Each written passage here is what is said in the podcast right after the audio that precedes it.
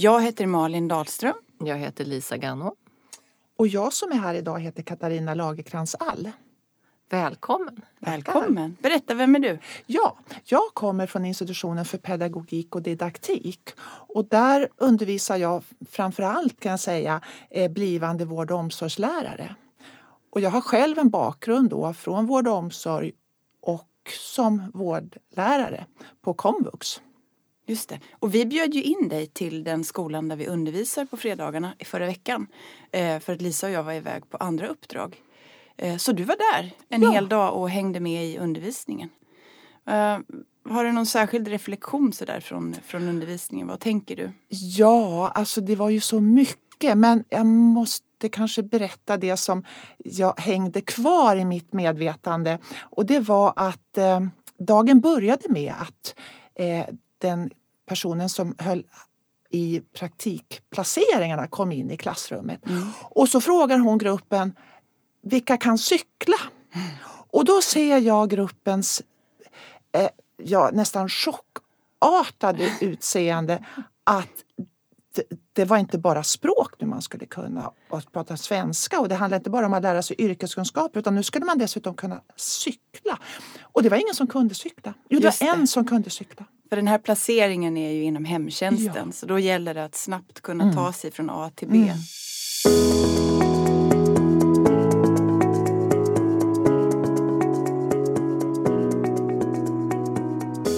Hej och välkommen till NC-podden Språk och yrke. Jag heter Karin Sandvall och arbetar som föreståndare på Nationellt centrum för svenska som andraspråk, eller NC. Den här podden den handlar om elever som går en integrerad SFI och undersköterskeutbildning. Och den handlar också om de SFI och yrkeslärare som jobbar där. Podden görs av två medarbetare på NC. De heter Lisa Ganno och Malin Dahlström och de jobbar deltid i utbildningen. Podden den handlar om NCs arbete att testa ett arbetssätt eller en modell som vi har jobbat med och utvecklat under en tid. Och nu är det dags att testa modellen i skarpt läge i undervisning, i metodrummet och praktikplatserna. Så följ med oss! Lyssna på hur vi tänker, hur lärare och elever tänker och vad som händer i det här spännande utvecklingsarbetet. Välkommen till NC-podden Språk och yrke.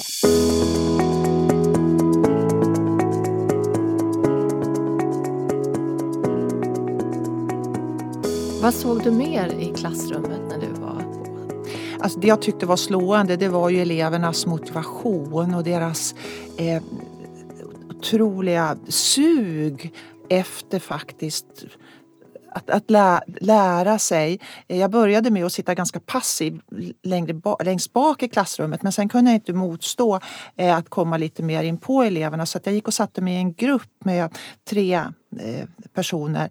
Och, och, och, jag märkte de, från början var de kanske lite avvaktande vem jag var men sen, sen började de fråga mig också saker och det blev ju klart att dels eh, att de såg mig då som en resurs, vilket var roligt att komma in i, i, i, i, gruppen så att säga. Men det var också så att jag såg att, det, språk, att språket fattades i mångt och mycket och mm. att de verkligen behövde det här nära stödet. Att kunna snabbt fråga någon eh, vad är skillnaden mellan tråd och, och garn och, och, och snöre. Och, mm. och, ja, eh, och sen tyckte jag ju att lärarna var faktiskt otroligt duktiga. De tyckte själva att de var oförberedda för att de hade blivit lite ändringar i schemat. Men, men det, så upplevde inte jag det utan jag tyckte verkligen att de, de, de var väldigt proffsiga. Och det var också uppenbart hur samspelta de var och jag förstår värdet utav att vara samspelta.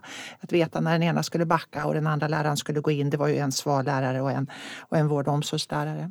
Eh, och sen tycker jag också att eh, eh den här vikten utav svarlärarens betydelse när det gäller ha alla de här nyanserna i språket. Alltså att, att kunna lägga in synonymer, att eh, anpassa till exempel och höja och sänka var liksom sådana här mm. begrepp, ord man kunde använda få en förståelse.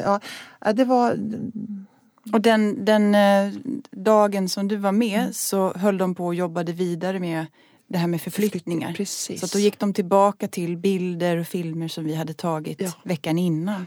Och, och, just det här repetitionens betydelse ja. och också att, att samtidigt då som att man eh, fick begreppen så fick man också utföra det. Så att det blev liksom satt i, i, i en kontext och vi fick också vi säger jag nu, men vi stod tillsammans i gruppen och, och, och, och gjorde förflyttningsövningar och tyngdöverföring och, mm. eh, med bred understödsyta och allt det här som man, man måste liksom få känna, känna på för att riktigt förstå vad man pratar om. Man kan inte prata om tyngdöverföring, jag menar vad är det Nej. om man inte har känt själv hur, hur, hur tyngdöverföring fungerar. Liksom. Mm. Så du såg den här kopplingen mellan handling, att vara Absolut. i situationer och att tala sen ja. om situationer. Ja. Ja. Mm. Mm. Katarina, som lärarutbildare, vad, vad, vad tänker du när du lyssnar på vår podd? Jag tänker att den faktiskt ger väldigt många praktiska exempel på hur man kan jobba i klassrummet. Och det är ju sånt som mina lärarstudenter, blivande vård och omsorgslärare verkligen efterfrågar. Hur kan man liksom, hur ska man göra då? då? Mm. Och det tycker jag att ni, ni verkligen eh, pratar om. Och ni pratar också om, om problem som kan uppstå och, och de här frågorna som många av mina studenter när de kommer tillbaks från sin VFU, sin praktik, ställer. Alltså, det, det kommer, ni lyfter upp de frågorna. Även om det sällan finns några absoluta svar så ändå så diskuterar ni det på ett väldigt bra sätt. Men är det arbetssättet som vi försöker eh, utveckla, är det relevant för alla vård och omsorgslärare? Eller hur skiljer sig liksom elevgrupperna åt? Alltså man kan ju säga så att majoriteten utav vård och omsorgsutbildningen idag den sker ju inom vuxenutbildningen. Det är där den stora gruppen gruppen, eller absoluta majoriteten av mina lärarstudenter kommer att hamna och mm. jag också gör sin VFU, sin praktik. Mm. Sen finns det en, förstås också ett mindre antal ungdomar som går. Men, men eh, eh, majoriteten är absolut vuxenutbildningen. Och även om då det handlar om ungdomsgymnasiet så finns ju likartade språkliga man utmaningar, vi säga. Utmaningar mm. eh, även där för att många utav ungdomarna har inte heller svenska som modersmål. Nej, just det. Mm. Och det är klart att det är, det är svårt för att jag befinner mig ju på universitetet och kan inte riktigt ge mina studenter den kontexten, det sammanhang som de faktiskt möter där ute. Men det finns ju eh, de kommer tillbaka och bland annat då berättar om den här svårigheten eh, som eleverna har att, att, att till exempel skriva. Mm. Eh, de tycker att de i viss mån eh, kan, kan berätta och återge sina kunskaper och sina erfarenheter. Men när det kommer till examinationer och skriftliga examinationer så, så ser de att, att det är väldigt lite kunskaper som, som visas på, på papper. Men där är frågan i vilken utsträckning man inom utbildningen vård och omsorg ska ägna sig åt skriftliga examinationer av till exempel men så lilla och stora kretsloppet mm. eller gasutbytet. Mm. Är det liksom valida bedöv, liksom, är det valida tester av vad eleverna faktiskt behöver kunna göra ute på sin praktik eller sen i arbetslivet. Nej, och det där är ju jätteintressant och det vet jag att ni har tagit upp i er podd tidigare. Mm. Eh, och det handlar ju väldigt mycket om ett synsätt tror jag hos lärare. Det finns så djupt rotat att man ska examinera genom skriftliga prov och det liksom hänger deras eh, deras eh, eh, lärarroll och lärarkompetens att kunna visa på papper vad eleverna kan. Det är liksom ett, bevis på att man är en bra lärare. Att Just det, också, och så in i dokumentmappen. Här ja, har vi portfolion. Liksom. Ja. Check, check på det. Men det handlar också om då att eh, skriften är beständig och eh, kontrollerbar och man kan gå Absolut. tillbaka. Ja, det tror jag. Eh, mm. För när vi pratar om mm. att bedöma eleverna muntligt, vad, vilken bild får du i huvudet då? Vad tänker du?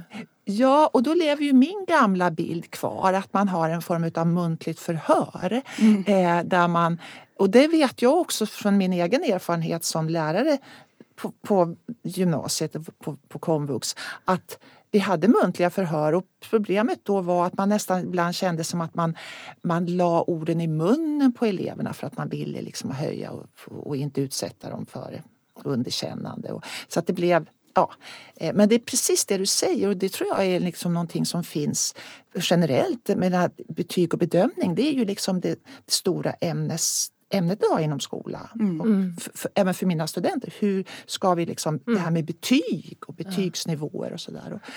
För där tänker vi att man skulle ju kunna få samma beständiga material genom att använda till exempel inspelningar och att mm. elever får en situation där de till exempel ska larma distriktssköterskan och de ska kunna bedöma en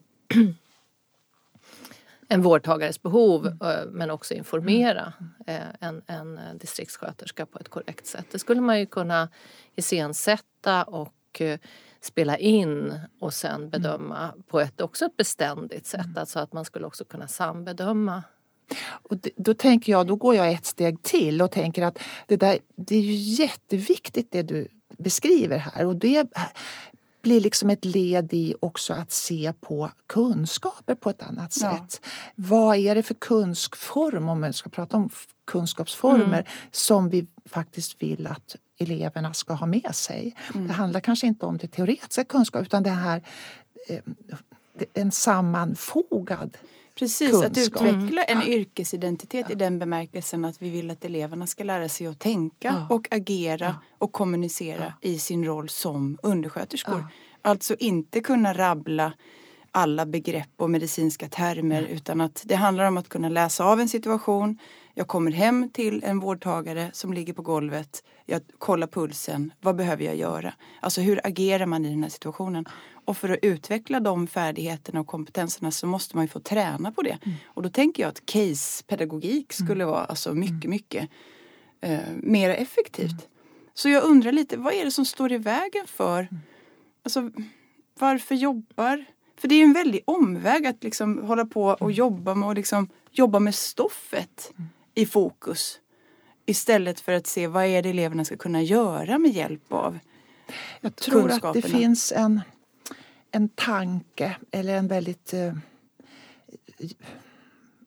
grund, Tradition? Tradition, tack. Ja. Eh, där man läser kunskapsmålen ja. väldigt ordagrant och man inte ser att det finns något tolkningsutrymme.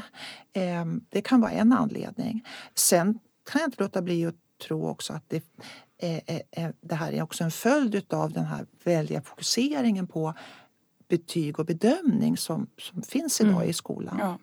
Eh, där också vi har den här sjugradiga betygsskalan som mm. gör att man anser att, tycker sig se att det är svårare att, ja. att ha alternativa examinationsformer. Ja. Hur ser examinationsformerna ut för dina studenter?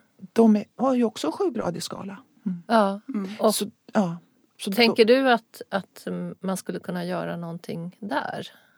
Du menar för, för studentgruppen? Ja, jag tänker någon likvärdig, eh, alltså likartad ja. utveckling. Ja. Skulle de också kunna examineras eh, mera hands-on? Eller de ja. har sin VFU, så det, det, är där de... Alltså absolut, och det pratar vi ju ganska mycket om på lärarutbildningen. Att vi skulle önska eller att det vore önskvärt med mer alternativa examinationsformer. Och jag tänker precis när du säger det, att det skulle ju förstås vara en, en möjlighet att få in dem i ett annat tankesätt. Nu är de så, så de är så uppväxta, mm. Eh, invaggade i den här ja. skriftliga examinationsformen. Mm. Så att absolut.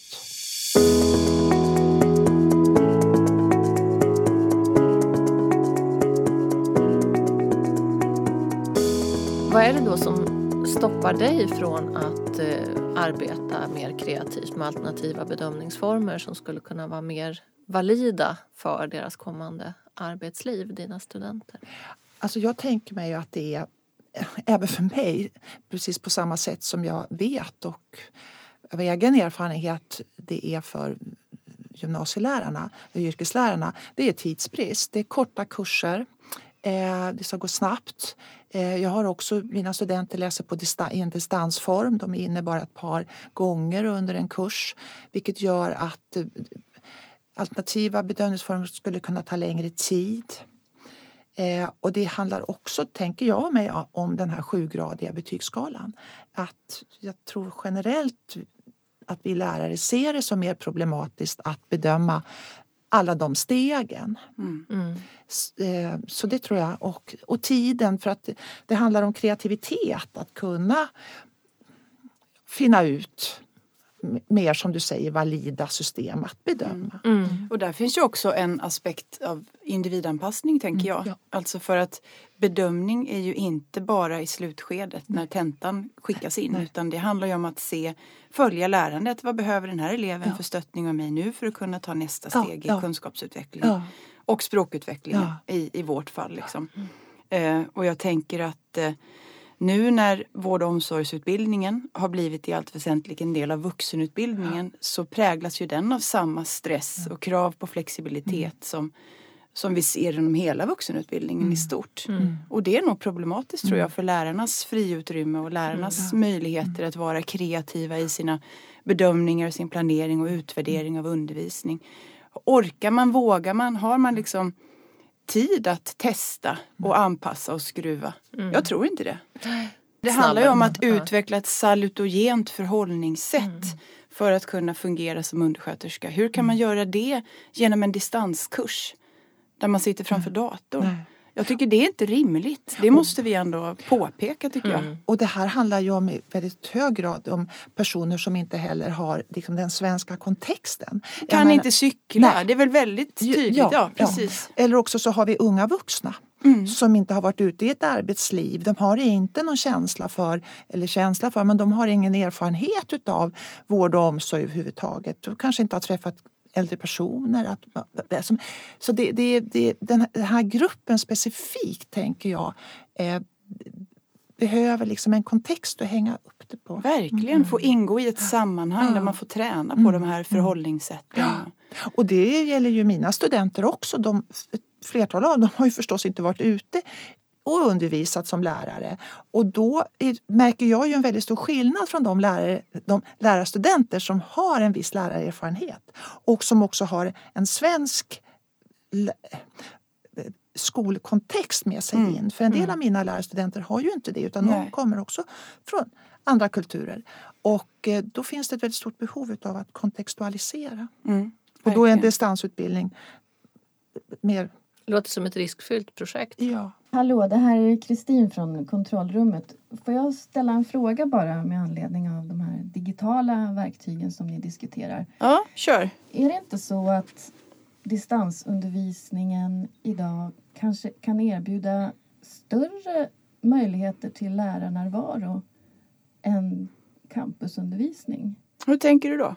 Jo, men jag tänker att eh, man kan som lärare då erbjuda lite så att säga drop-in tider där man kan få ställa informella frågor. Om läraren skulle kunna få lite mera tid eh, i sin eh, kurs utgivet för detta för att kunna tillmötesgå individuella behov och, och, och, så. Jag tror att studenter skulle tycka att det var jättevärdefullt. Just det, att läraren mm. samtidigt som han eller hon sitter och läser någon forskningsrapport liksom hänger framför skärmen mm. och om någon vill kontakta läraren via Zoom eller Skype så kan man ta en snabb avstämning. Ja, precis. Ja, för det är ju inte som att studenterna går och, och knackar på liksom, den fysiska dörren till kontoret. Och då kanske man har hängt upp en stör, inte jag läser-skylt.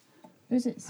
Mm. Och då får man ju som lärare såklart vara rädd om sin tid och säga att det är de här tiderna som gäller mm. och så kanske jag inte svarar på mejl inom fem minuter för att jag har de här tiderna mm. istället eller så. Mm. Jag vet inte. Mm. Men den typen av former, för jag tror att lärare i distansundervisning har för lite tid mm. att vara stöttande lärare och närvarande lärare och lära känna sina studenter och elever. Men är det inte också så, för jag tänker du nämner mejl men ofta de individuella frågorna är ju ofta kollektiva också. Att man, att man eh, har chatt chattar kanske. Eller, ja, det finns ju hur många möjligheter som helst tänker jag nu när jag lyssnar på dig. Man kan ju köra konferenssamtal, man kan ju samla ihop.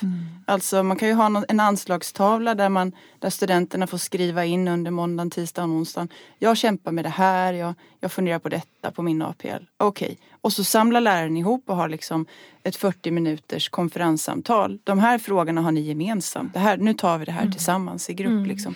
Så det handlar om att vara kreativ, mm. återigen att känna det friutrymmet och se de möjligheterna med att använda verktygen på ett klokt sätt. Och där tänker jag, jag får ju mycket mejl som lärarutbildare Eh, men jag uppskattar väldigt mycket när jag faktiskt blir uppringd eller när jag kan ha fysiska samtal. Mm. För det är någonting annat än de här mejlen. Man kan läsa av på ett helt annat sätt i samtalen. Och det är som du säger Kristin, det går ju alldeles utmärkt med alla våra verktyg som finns idag med, med Skype eller med vanlig telefon. Mm. Mm.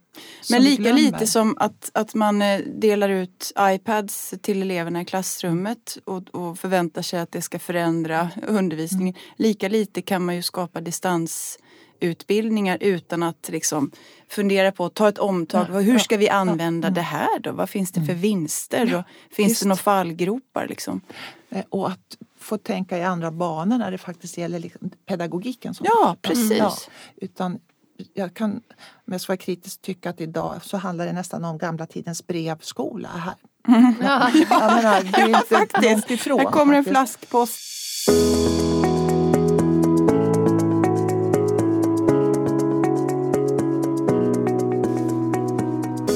Den arbetsgången som vi håller på att utveckla den har ju starka inslag av multimodalitet och vi är förespråkare för digitalisering och vi ser stora möjligheter med distansutbildningar. Vi ser också att det kommer på ganska stor, liksom bred front. Många kommuner har inget alternativ till att lösa det. Man försöker att centrera resurserna till regioner och så, särskilt i norra Sverige. Eh, och, och, och det möjliggörs av de här lärcentran som finns med konferensanläggningar och så på alla större orter. Men även små orter vet vi. Vi har varit runt och tittat lite. Så att det är otroligt mycket spännande som händer när det gäller det. Och ni arbetar också med distansundervisning. Ja, absolut. Um. Och vi ser ju också att det är... Dels så, så känner vi att vi borde utveckla vår distansutbildning eh, i, i, hög grad. Eh, men att vi också ser att distansutbildning är ett att det finns distansutbildning är ju ett krav för att våra kunna utbilda blivande yrkeslärare. De är ju yrkesverksamma och personer mitt i livet. Så att det, det är absolut, eh, det ska man inte eh, man, man, ska inte underskatta på något sätt distansutbildningens betydelse. Mm. Men vi kanske skulle behöva från universitetets sida arbeta med att ta fram bedömningsformer som vi tycker är mer relevanta mm. och, och testa eh, i liten skala. Mm. Det kanske är någonting vi skulle kunna samarbeta kring. Det vore jätteintressant. Och om jag förstår dig rätt, då, att nästan ha som en, en bank att erbjuda studenter och även andra verksamma lärare som, så att de kunde få goda exempel på hur man kunde arbeta. Det tror jag vore otroligt värdefullt. Mm. För att eh, Eh, vi tror ju på att den här vikten av att kunna modellera för att sen i sin tur tänka mer fritt när de ska bedöma sina elever. Ja, ja. Så behöver de mm. uh, många exempel. Ja. Men vi behöver också stärka lärarnas förmåga att bedöma kommunikativa situationer. För lärare lägger mycket tid på att bedöma så att säga att kontrollera om eleverna kan upprepa det som har stått i boken mm. på ett begripligt sätt mm. kanske. Men vi behöver bedöma elevers kommunikativa förmågor. Mm. Eh, och eh, där tror jag att vi mm. kan behöva hjälpas åt.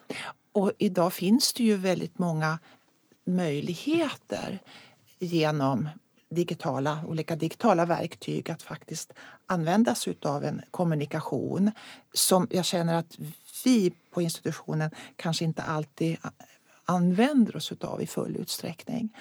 Och jag tänker just för, för elevgruppen på komvux så finns ju den möjligheten också. Och jag vet att en del utav de eleverna inte har liksom en, en kanske någon djupare erfarenhet utav att använda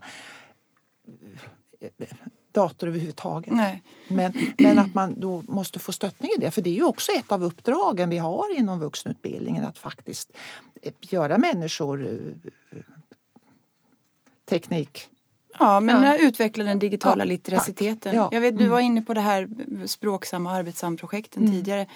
Det senaste i liksom raden av pärlbandsprojekt där är ju Digit som handlar om digitaliseringen inom äldreomsorgen. Precis. Därför att då har man ju eh, tillhandahållit smarta telefoner till anställda inom hemtjänsten eh, som ju cyklar eller tar sig på olika sätt Ja. mellan vårdtagare. Men man har inte då eh, liksom kompletterat det här med kompetensutveckling av de anställda, hur de ska använda sina smarta telefoner. Så då har, det liksom, då har man skapat ett, ett projekt kring det för att se hur man kan möta de behoven. Det vore ju fantastiskt om man redan under utbildningen kunde säkerställa att, att när de går ut för att jobba så har de, Absolut. har de en, digitalis, en digital literacitet som Ja. fungerar för Ja. yrkesutövandet. Det handlar ju egentligen om synen på kunskap och att på något sätt tänker jag mig förstå att det finns inte olika språk utan det finns, det finns inte ett yrkesspråk och, och ett vardagsspråk som man ibland eh, beskriver det som utan det här handlar ju om att förstå den kom, att ha en kommunikativ förmåga och kunna använda olika sorters språk möjligtvis i olika sammanhang. Och det är ju, tänker jag, inte någonting som man kan lära sig i en bok utan det måste man lära sig i ett socialt sammanhang.